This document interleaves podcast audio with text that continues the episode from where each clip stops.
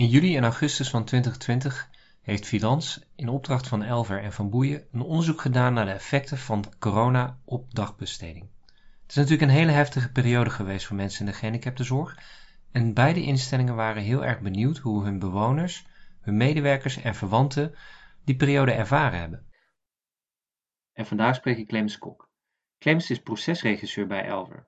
Wat ik het mooie vind, is dat eigenlijk in het verhaal van Clemens, als hij het heeft over nieuwe dingen proberen, spreekt hij eigenlijk ook een enorme vertrouwen uit in wat bewoners, cliënten zelf al aankunnen, maar ook wat medewerkers aankunnen. Goedemiddag Clemens. Welkom bij dit gesprek. Fijn dat jij de tijd hebt genomen om weer met mij in gesprek te gaan. We hebben natuurlijk bij Elver en Van Boeien, twee organisaties in de gehandicaptenzorg, zo na de zomer 2020 gekeken naar welke ervaringen er nu zijn aan de hand van corona ten aanzien van dagbesteding. En dan gaat het niet zozeer over corona, maar de lessen die we geleerd hebben. En ik herinner me dat we die validatiesessie hebben gehouden, dus een gesprek met mensen die aan die onderzoek deelgenomen hadden. En jij bent ook geïnterviewd daarvoor en daar wat over gesproken hebben. En toen vroeg jij ook wel extra aandacht eigenlijk voor een thema dat ondernemerschap uh, heet. En daar gaan we het zo meteen over hebben. Maar misschien wil je jezelf eerst even voorstellen. Dat is goed. Ik ben uh, Clemens Kok. Ik werk bij Elver, een organisatie voor mensen met een verstandelijke beperking in de Achterhoek en in Arnhem. Mijn functie is procesregisseur en dat houdt in dat ik me bezighoud met allerlei processen en projecten en met name binnen de dagbesteding. Daar heb ik ook mijn roots liggen, daar werk ik ook al heel wat jaren en dat vind ik ook een vreselijk mooi aandachtsgebied. Die achtergrond in dagbesteding, want um, nu, nu dus procesregisseur, ook zelf met de poten in de klei in de dagbesteding gestaan? Ik heb met de poten in de klei in de dagbesteding gestaan. Ik ben activiteitenbegeleider geweest, jarenlang, vond ik vreselijk leuk. Ik ben daarna meewerkend leidinggevende als leidinggevende manager. Dus ik eh, kom ook nog steeds graag rond, omdat ik het erg belangrijk vind om te weten wie er werken, zowel de medewerkers als de cliënten. Wat, wie zijn ze, wat kunnen ze en wat willen ze? En Clemens, als we gaan kijken naar die thema, dus dat, dat ondernemerschap, hè? dus dat we wat, iets wat losstaat van corona wellicht. Maar eh, kan je mij misschien even meenemen ja, wat jou opgevallen is in deze tijd rondom corona, rondom die thema? Misschien wel soms minder ondernemerschap, misschien soms wel meer ondernemerschap? Ondernemerschap uh, heb ik destijds ingebracht en dat lijkt gelijk alsof dat het bedrijfsleven gekoppeld is, maar zo zie ik ondernemerschap niet helemaal. Ik vind dat elke activiteitenblijver een beetje een ondernemer is van zijn eigen groep. Dan bedoel ik dat je vooral moet weten, wie heb je voor je, wat zou je willen, wat zouden hun willen en hoe speel je daarop in. Daarnaast zijn de ontwikkelingen in den landen, hoe kun je dat matchen met elkaar? En doe je altijd wel het goede, stel je vaak de vraag of datgene wat je doet nog wel aansluit bij de cliënten. En als dat niet zo is, hoe spring je daarop in? Durf je af en toe wat anders te doen als jarenlang hetzelfde doen of een vaste activiteit doen met dezelfde cliënten? Het leuke van corona is, los dat heel veel narigheid opgebracht, opgeleverd heeft, dat je in coronatijd af en toe andere cliënten kreeg die nooit hebben geweten van bepaalde uh, activiteitengroepen. Die zijn andere dingen gaan doen en die hebben dat vreselijk leuk gevonden. Daarmee vind ik dat we af en toe de cliënten tekort doen, omdat we niet altijd weten wat ze leuk vinden en wat ze kunnen. Ze kiezen altijd uit iets wat ze kennen, kiezen nooit iets wat ze niet kennen. En daar, ook dat is ondernemerschap volgens mij, probeer nou veel meer te achterhalen wat ze nog meer zouden kunnen. En misschien moeten wij daardoor wel af en toe zorgen dat cliënten stage kunnen lopen op plaatsen wat ze, waarvan wij denken, dat kennen ze niet, vinden ze misschien helemaal niet leuk, maar laat ze het eens ervaren. Dat heeft coronatijd wel met ze meegebracht, dat ze op andere plekken zijn komen te werken en dat ze sommige dingen heel erg leuk vinden. En past het dan ook een beetje, want iets wat mij opviel ook, is dat wij, ehm, en ik herken het ook, hè, dus wij in de zorgen, of je nou in de ouderenzorg of in de gehandicaptenzorg, we zijn natuurlijk hartstikke begaan met onze cliënten, bewoners, en we willen daar het beste voor. Maar daardoor soms zien we ze als kwetsbaar, en waardoor we ook soms niet andere dingen durven te doen. Klopt dat ook wel een beetje? Speelt dat ook wel mee? Ja, dat, dat klopt ook. Weet je, wij zijn mensen die zorgen, terwijl ik mijn eigen kinderen ook opvoed met maak af en toe maar eens een fout en leer er maar eens van. Dat is wel lastig om je kind die kop te zien stoten, dat geldt dus ook voor cliënten. Dat dat vreselijk belangrijk is. Juist te voorkomen dat ze af en toe hun kop stoten. En dan daardoor juist gaan we dus minder nieuwe dingen proberen, waardoor we ook dus niet achterkomen, hoor ik jou zeggen van, goh, dat ze ook andere dingen ook misschien ook wel leuk vinden. Ja. En het ook wel natuurlijk bij jullie bewoners past. En dan snap ik ook wel dat ze wat voorzichtiger zijn, wat minder zelfvertrouwen hebben. Dus als je ze vraagt, dan zal het ook wel, wel lastig zijn voor ze om te zeggen: Oh ja, ik ben Pipi Langkous, ik heb nog nooit gedaan, ik ga het wel proberen. Dat, nou, dat geldt voor hen helemaal. We hebben bijvoorbeeld een, een, een, jonge dame die zat altijd op een groep waar veel gebakken werd. Dat vond ze hartstikke leuk. Maar door corona kon ze daar niet naartoe. Is voor uh, een deel bij een kaasmakerij en het industriële werk terechtgekomen heeft nu keuzes kunnen maken en zegt: Ik wil voor minimaal drie dagen in de week bij dit industriële werk blijven doen. Dit vind ik zo leuk. Ik vind het sfeertje leuk. Het is net echt. Het is anders als bakken. Dat wil ik niet helemaal voorbij laten gaan. Dat wil ik nog wel blijven doen. Maar ik wil, nou, ik wil hier blijven. Hadden we nooit kunnen bedenken.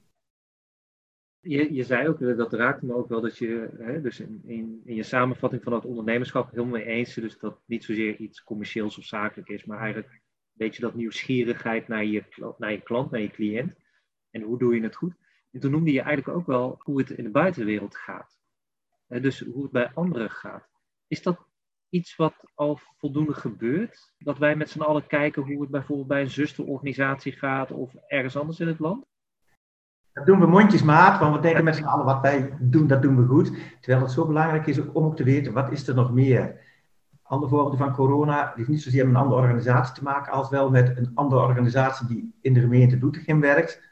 Die hebben veel werk, de zwerfvuil moet opgehaald worden, noem maar op, daar kwamen ze zelf meer aan toe. En daar is een woongroep mee begonnen. Maar inmiddels zijn er vijf groepen die allemaal zwerfvuil ophalen. En het respect wat de cliënten krijgen van de burgers uit het dorp, dat ze dat doen, dan kunnen wij denken, ach, het is zwerfvuil ophalen. Ze krijgen daar heel veel waardering voor. Die dingen, daar kom je niet op als je op een instellingsterrein blijft. Dus dit vind ik vreselijk leuk, maar ook het feit dat een organisatie van een gemeente zegt, hey, kunnen jullie ons helpen en ondersteunen? En als de een begint, dan beginnen er volgens meer te helpen.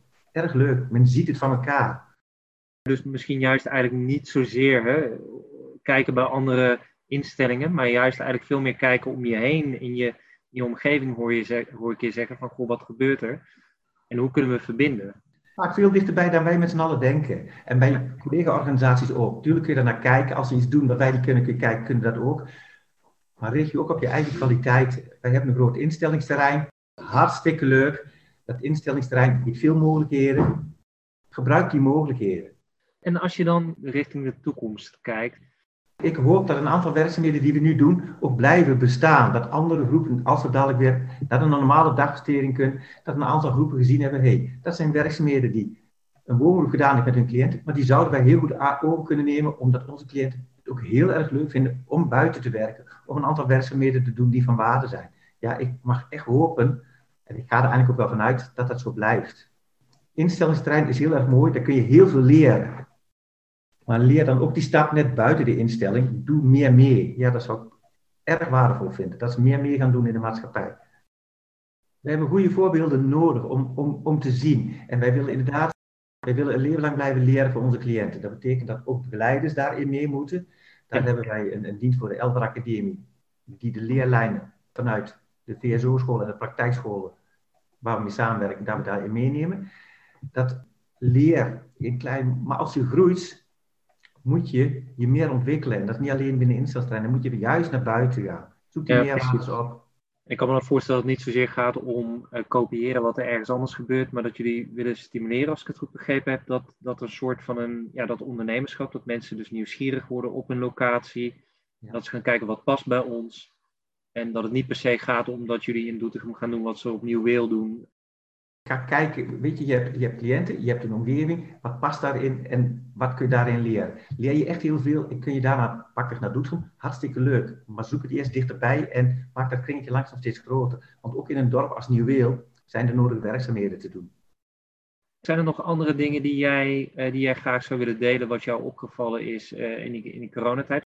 De belangrijkheid van dagbesteding, die is mij heel erg opgevallen.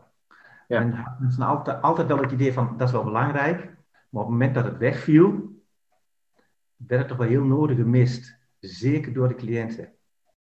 De, de, de, de inhoudelijkheid van hun leven staat er valt ook bij een stukje dagbesteding die waardevol is. Dus weg en dan moet je opeens een andere invulling eraan zoeken. Dat, dat is me heel erg opgevallen. Ja, precies. Hè? Want het viel me ook op in een andere gesprek, andere gesprekken en een andere aflevering die mensen terug kunnen horen. Als ze goed luisteren, dan denk ik, we hebben natuurlijk wel vaker geroepen dat dagbesteding belangrijk is.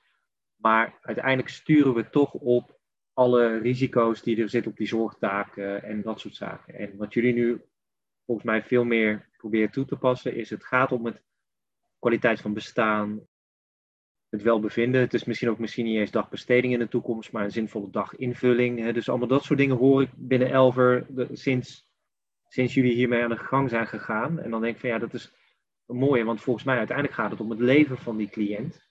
Het leven van de cliënt zit, is natuurlijk veel meer dan die, die zorgvraag die, die, uh, die hij of zij uh, heeft. Ja, precies. En dat, dat je daar af en toe ook gewoon risico's bij durft te nemen. Wij denken dat iemand dat kan. Laat dat alsjeblieft proberen.